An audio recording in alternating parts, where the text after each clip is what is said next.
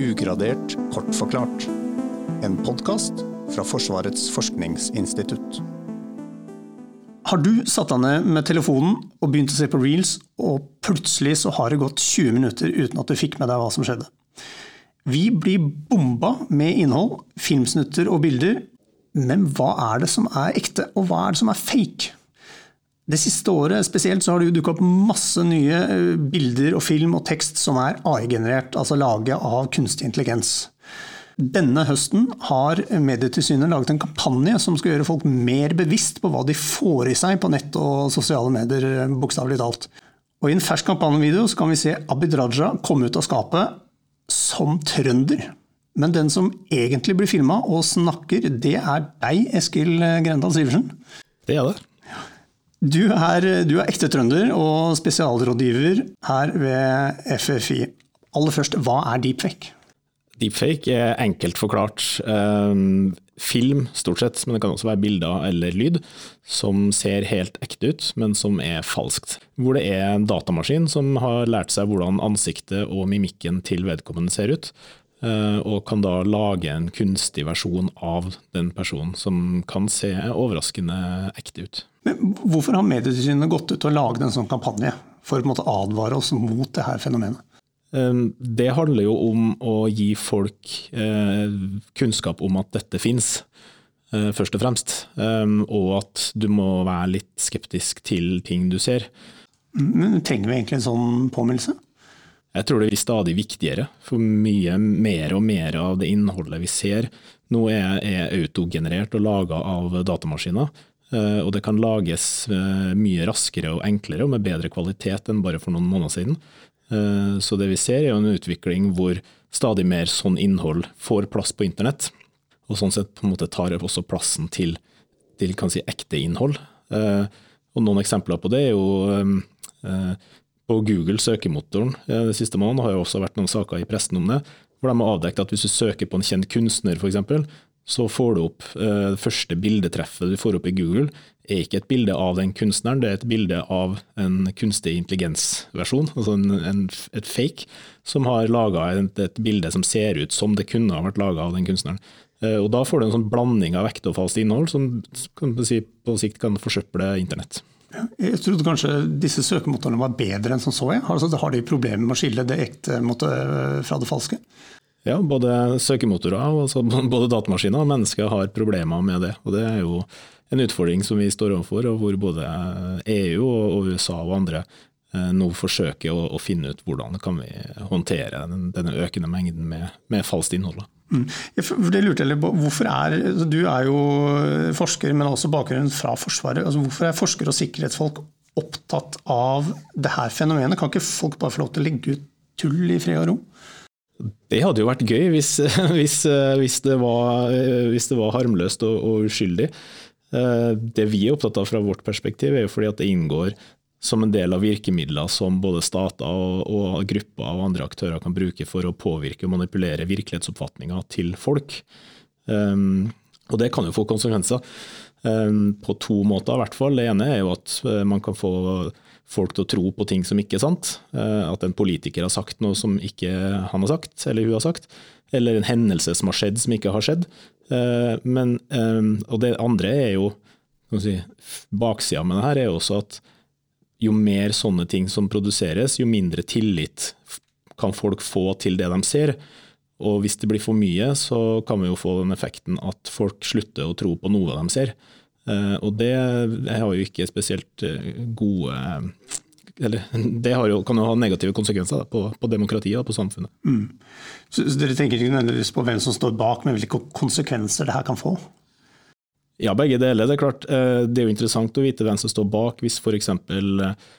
Russland eller Kina eller andre aktører som, som bruker dette som en del av, som en del av sine påvirkningsoperasjoner for å manipulere virkelighetsoppfatninga til andre land og til politiske beslutningstakere og militære beslutningstakere f.eks.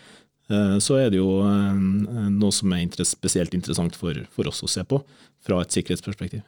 Men altså denne deepfake-teknologien, for å kalle det har du noen eksempler på hvordan det kan brukes?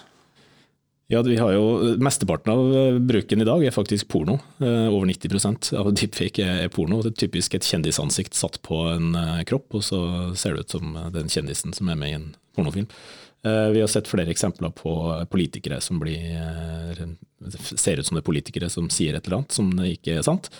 Og så, tror jeg jo vi må kunne ta høyde for etter hvert at du vil se du kan bruke dette i sanntid.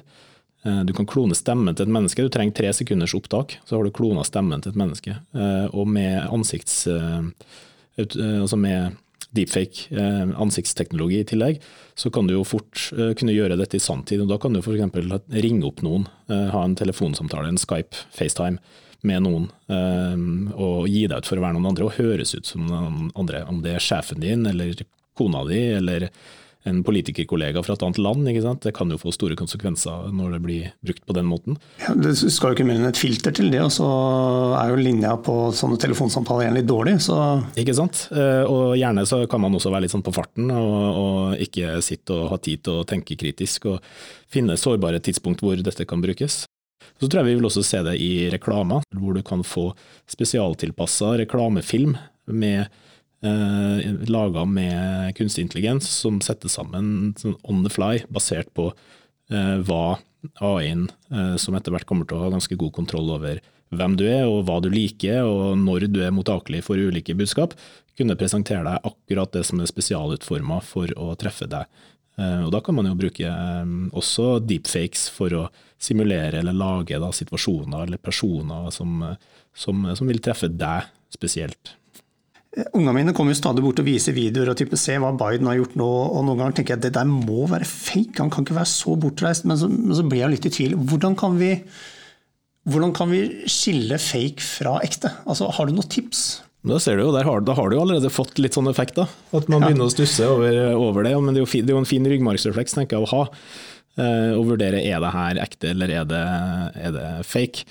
Eh, og så var det jo tidligere mye lettere å se om det var fake. Eh, eh, du ser det på deepfake-video at det er litt sånn eh, robotaktige bevegelser i, i mimikken. Og, det er sånn For et menneske ganske lett å se. Så har jo nå i bare de siste månedene teknologien kommet så mye lenger at, at det er mye, mye, vanskeligere å se det. Og der står vi overfor et, en utvikling som kommer til å gå, gå veldig fort.